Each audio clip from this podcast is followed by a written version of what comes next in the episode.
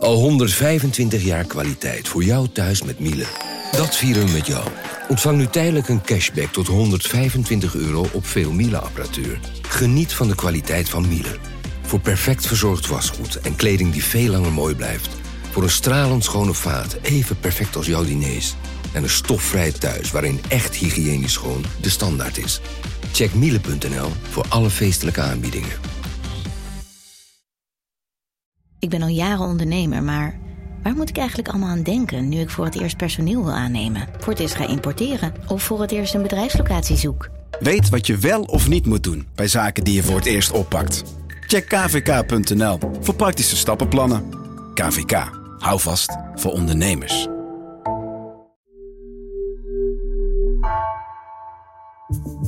Vanaf de redactie van NRC het verhaal van vandaag. Mijn naam is Floor Boon.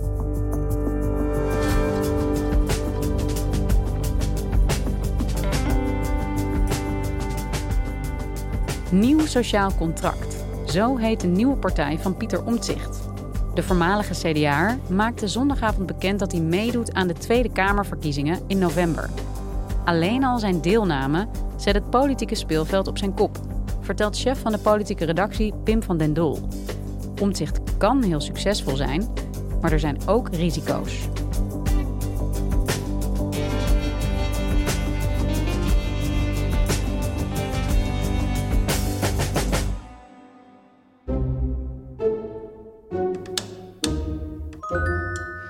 Afgelopen weken zat politiek Den Haag in grote spanning. Boven het Binnenhof hing eigenlijk al de hele zomer de vraag van zou Pieter Omtzigt, onafhankelijk Kamerlid met een eigen partij, willen meedoen aan de Tweede Kamerverkiezingen. Wat gaat Pieter Omtzigt doen? Het is de meest gestelde vraag op dit moment in politiek Den Haag. Doet hij met een eigen lijst mee aan de verkiezingen van 22 november? Of gaat hij een nieuwe partij opbouwen? Zich aansluiten bij een andere eh, partij of misschien uh, ja, zelfs de politiek uit. Bijna iedereen wil Pieter Omtzigt, maar hij laat tot op heden alleen nog maar weten wat hij niet wil. Ja, het, het begint een beetje Kremlin-watch eh, te worden inderdaad. Hè? Wat bedoelt hij met deze tweet? Uh, waarom maakt hij het vandaag nog niet bekend wat hij gaat doen? Wat staat er wel of niet op de site? Maar zondagavond kwam dan eindelijk het persalarm en werd duidelijk... We hebben dit weekend een nieuwe politieke partij opgericht. Nieuw Sociaal Contract. Vanaf vandaag zetten we de eerste stappen op weg naar een mooier Nederland. En we hopen op uw steun ook op 22 november zodat we dan echt kunnen beginnen met de verandering van Nederland. De verwachting is dat die partij ook een hele belangrijke rol kan gaan spelen in de komende verkiezingscampagne. Want uh, Pieter Omtzigt is als Kamerlid, onafhankelijk Kamerlid, al heel lang heel populair. En er werden de afgelopen maanden eigenlijk al regelmatig allerlei uh, fictieve peilingen gepubliceerd. Uh, met de vraag: wat zou u stemmen als Pieter Omtzigt toch meedoet aan de verkiezingen? En daarin eh, scoorde hij soms al tientallen zetels. En hoewel uh, dat soort peilingen natuurlijk een beetje gek zijn, want hè, ze gaan over een uh, fictief scenario wat misschien niet uit gaat komen. Ja, bleek toch wel hoeveel steun hij had. En zou hij misschien kunnen gaan meedoen om uh, zelfs de vraag wie de grootste partij kan gaan worden. En dat terwijl er ook nog heel veel onduidelijk is en nog bekend moet worden. Hè, zo heeft om zich nog geen kandidatenlijst en weten we ook nog niet zoveel over zijn precieze verkiezingsprogramma. Maar zijn aankondiging maakt in ieder geval één ding duidelijk. Het politieke speelveld is opnieuw op zijn kop gezet. Ja, Pim Omtzigt begint een eigen partij. Uh, het hing in de lucht, je zegt het ook al. Hij is ook helemaal geen nieuweling in Den Haag, loopt daar al hartstikke lang rond. Kun jij eens vertellen hoe zijn politieke carrière eruit heeft gezien? Waar komt hij vandaan? Ja, Omtzigt eh, zit al heel lang in de Tweede Kamer eigenlijk, al uh, bijna twintig jaar. Hij uh, promoveerde ooit in de econometrie, maar ging vrij snel daarna de politiek in voor het CDA. En in het begin um, ja, was hij eigenlijk niet eens een heel bekend Kamerlid. Hij opereerde een beetje op de achtergrond, was, was vrij onzichtbaar voor, voor de buitenwereld. Maar binnen de partij begon hij wel al snel op te vallen. Uh, aan de ene kant door zijn goede uh, inhoudelijke dossierkennis en dat hij zich echt in onderwerpen kon vastbijten. Maar ook wel een beetje doordat hij uh, intern bij het CDA ook al op een gegeven moment als best wel lastig werd gezien. Hè? Dus hij opereerde vrij onafhankelijk. Hij kwam eh, mede om die reden ook niet altijd weer hoog op de lijst. Sterker nog, hij werd een aantal keren op een onverkiesbare plek zelfs gezet. Maar uh, omdat Omtzigt toch al veel aanhang binnen de partij had gekregen, slaagde Omtzigt er toch in om steeds weer zichzelf goed te organiseren en zijn aanhangers te mobiliseren. En het lukte hem daarom een aantal keren om toch weer met voorkeurstemmen in de Tweede Kamer gekozen te worden. En zelfs in 2012, toen hij helemaal niet meer op de conceptkandidatenlijst was gezet, wist hij zich met een persoonlijke campagne toch weer terug te knokken. Ja, je schetst een moeilijke verhouding binnen dat CDA. Waarom is dat zo lastig? Waar komt dat door? Nou, uh, heeft natuurlijk bij het CDA eigenlijk altijd, of uh, vaak, niet alle jaren, maar wel in een coalitie ook uh, moeten opereren. Hè. En in ieder geval Nederland en in Den Haag is het al lange tijd behoorlijk gebruikelijk dat coalitiepartijen hele gedetailleerde afspraken met elkaar maken. Dat het nou ja, eigenlijk not dan is om heel erg af te wijken van, van die afspraken of ook van de eigen partijlijn. Bij oppositiepartijen is het veel gebruikelijker dat je uh, nou, meer, je eigen gang gaat en je ook lekker scherp op onderwerpen profileert. En uh, nou ja, dat deed zich dus eigenlijk zowel in de oppositie als in de coalitie. Het beste voorbeeld is eigenlijk het dossier waar hij de afgelopen jaren natuurlijk heel veel bekendheid door kreeg: uh, de toeslagenaffaire. Het CDA zat toen natuurlijk ook in het kabinet toen die aan het licht kwam en uh, moest hem ook helpen oplossen. Viel bijvoorbeeld onder de verantwoordelijkheid ook van uh, CDA-minister toen nog van Financiën, uh, Wopke Hoekstra. En um, ja, zich trok zich het lot van de slachtoffers enorm aan. Ik ben wit Wit heet dat dit soort dingen. We zitten het hele weekend te onderhandelen omdat we zogenaamd het niet weten. Het ministerie wist het al acht maanden. Wij kunnen als Kamer ons werk zo niet doen. Als wij de informatie niet krijgen, nemen wij de foute besluiten. Het kan niet zo zijn dat ik hier weer na 2,5 jaar zwoegen op stukken gewoon een stuk dat boven tafel komt niet kan krijgen. Ik moet verdorie journalist worden. Ik wil binnen een maand alles, maar dan ook alles wat er nog ligt, voorzitter. En uh, ja, dat leidde dus ook binnen het kabinet tot uh, veel irritatie. Hè, dat Omtzigt te kritisch zou zijn, dat hij maar bleef doorvragen. En uh, nou ja, het beroemdste voorbeeld is een uh, vergadering van de ministerraad op een gegeven moment, waarvan uiteindelijk de notulen ook uh, naar buiten zijn gekomen. Dat ook CDA-ministers Hoekstra en ook Hugo de Jonge, toen nog vicepremier, dat die het ook echt intern in het kabinet hadden gesproken over omzicht. en hoe ze ja, misschien ervoor konden zorgen dat hij wat minder kritisch zou worden. En hoe ze hem zouden kunnen sensibiliseren. Ja, intern werd hij dus wel als lastpak gezien, maar door de buitenwereld juist misschien wel als iemand die ja, durft te zeggen waar het op staat, iemand die de macht kritisch bevraagt, iemand die ja, durft aan te wijzen waar het misgaat. Ja, dat imago dat uh, kreeg hij inderdaad uh, de afgelopen jaren. Uh, eigenlijk nou ja, bij vriend en vijand. Hè. Hij kreeg heel veel lof bij andere partijen ook voor die meer onafhankelijke rol.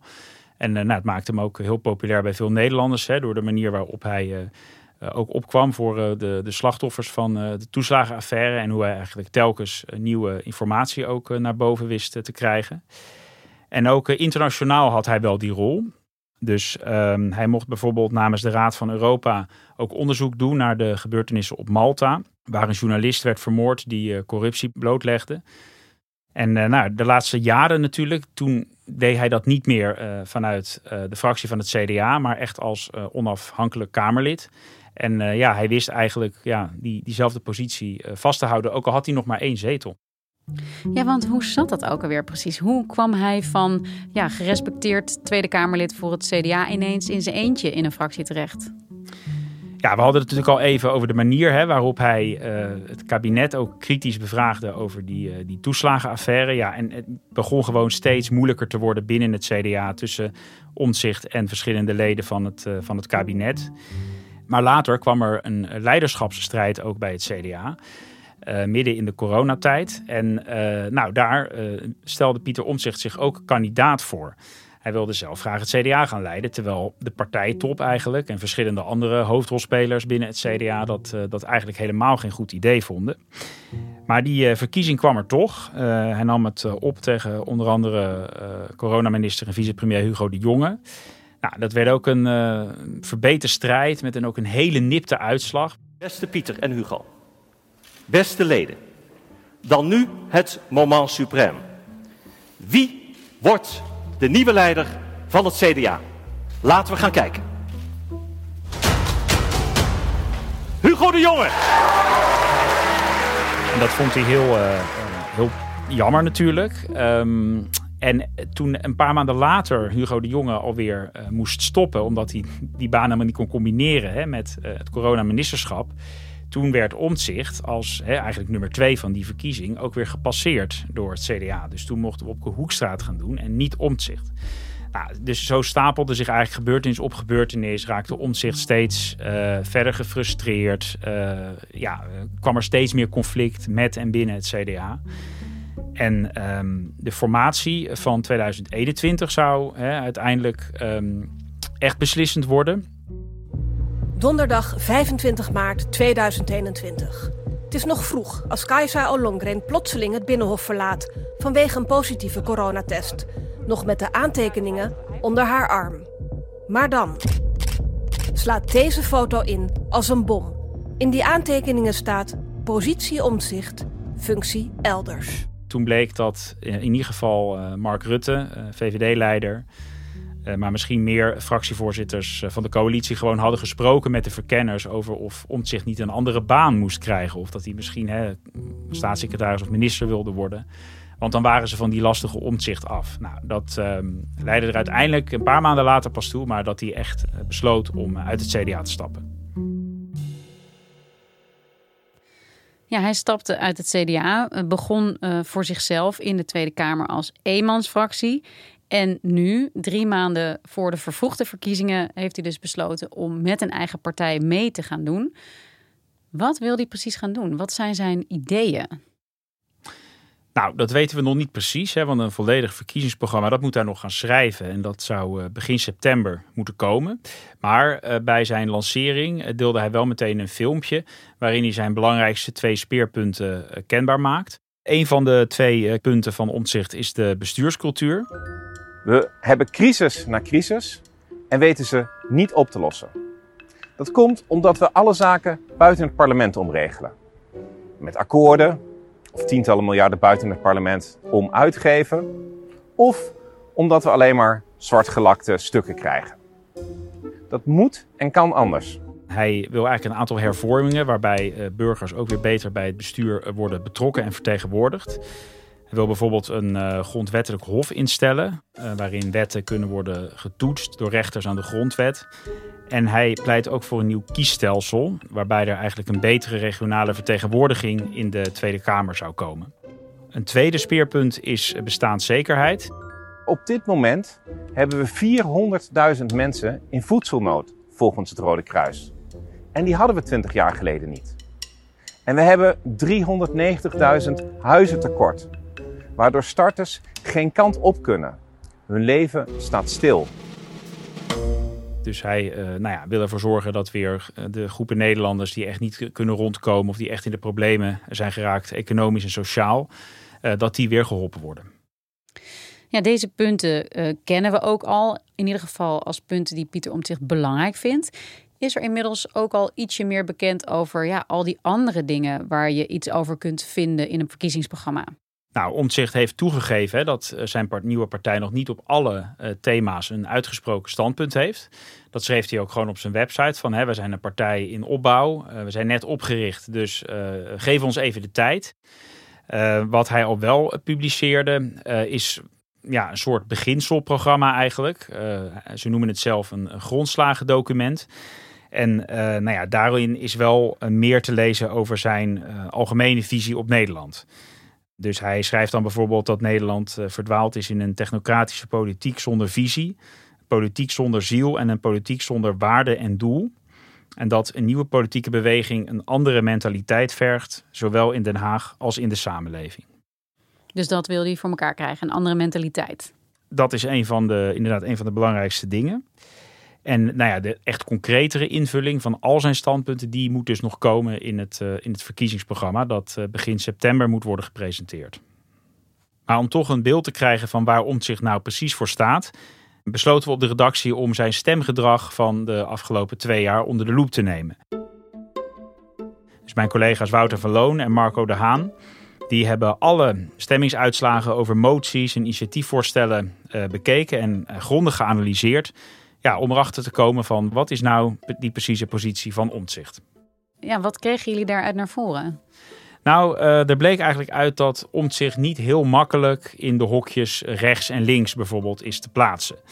Dus op sommige onderwerpen stemt hij wat rechtser, op andere wat linkser. Maar uh, wel heel interessant was dat hij toch de meeste overeenstemming had in stemgedrag met de SGP en de BBB. Nou, dat zijn toch twee uh, behoorlijk rechtse en conservatieve partijen.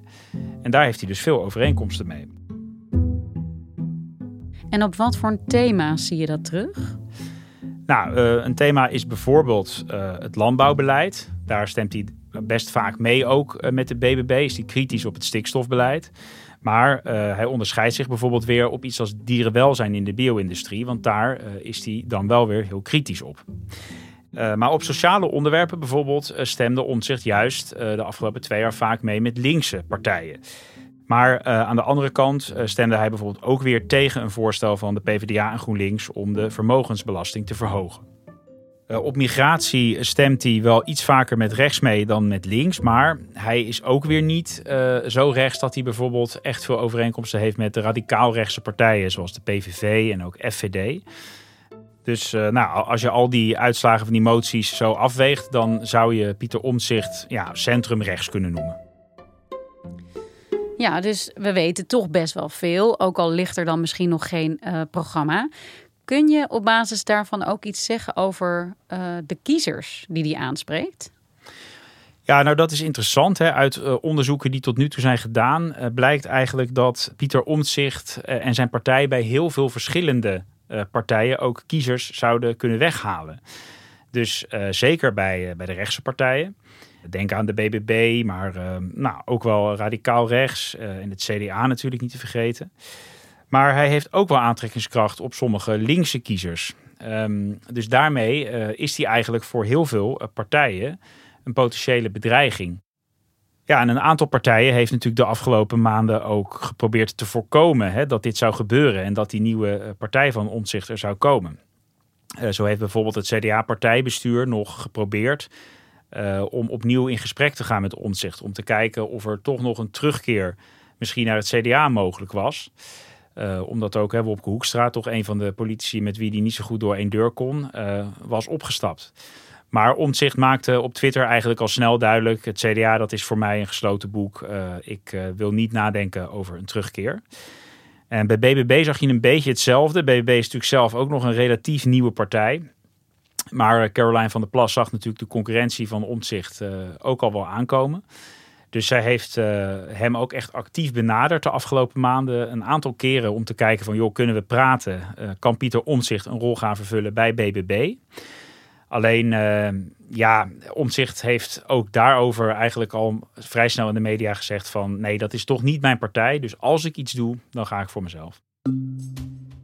Ja, Pim, het wordt echt spannend straks. Er zijn gigantische veranderingen gaande. Uh, heel veel ervaren mensen en Kamerleden stappen op. GroenLinks en PvdA vormen samen een kieslijst. Caroline van der Plas, hè, ook een eenmansfractie, maakt kans op een hele grote winst straks.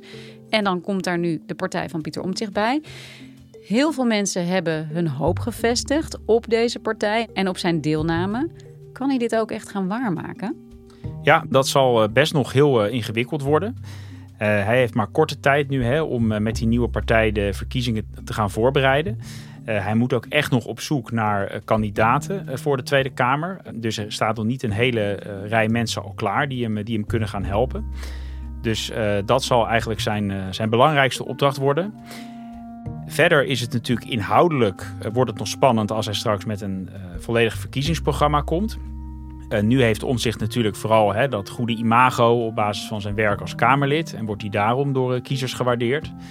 Maar als hij straks toch concretere standpunten heeft over allerlei thema's zoals klimaat en migratie. Dan zal ja, hij misschien ook weer een deel van zijn potentiële kiezers kunnen teleurstellen. Ja, en tenslotte, de verwachtingen zijn natuurlijk zo hoog gespannen. dat zelfs als Pieter Omtzigt goed scoort met zijn partij. met veel zetels in de Tweede Kamer komt. en misschien kan meepraten over deelname aan een kabinet, dat uh, de dingen zo veranderen zoals hij wil in Den Haag. En eigenlijk Nederland helemaal gaan hervormen, omvormen tot een heel ander land. Want zo ambitieus is hij als je dat beginselprogramma leest. Ja, dat kan natuurlijk wel eens heel veel tijd gaan kosten. En uh, hij heeft zelf ook al gezegd dat gaat misschien wel tien jaar duren. Dus uh, het is natuurlijk een hele moeilijke opdracht waarmee hij ook weer mensen teleur kan stellen. We zullen het gaan zien de komende weken en op 22 november tijdens de verkiezingen. Dankjewel, Pim. Graag gedaan.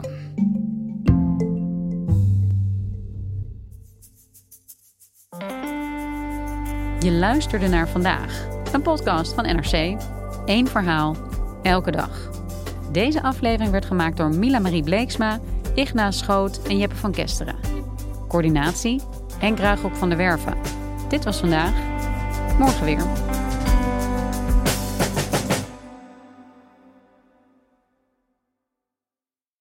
Technologie lijkt tegenwoordig het antwoord op iedere uitdaging. Bij PwC zien we dit anders. Als we de potentie van technologie willen benutten, kunnen we niet zonder een menselijk perspectief. Human-led, tech-powered noemen we dat. Ga naar pwc.nl.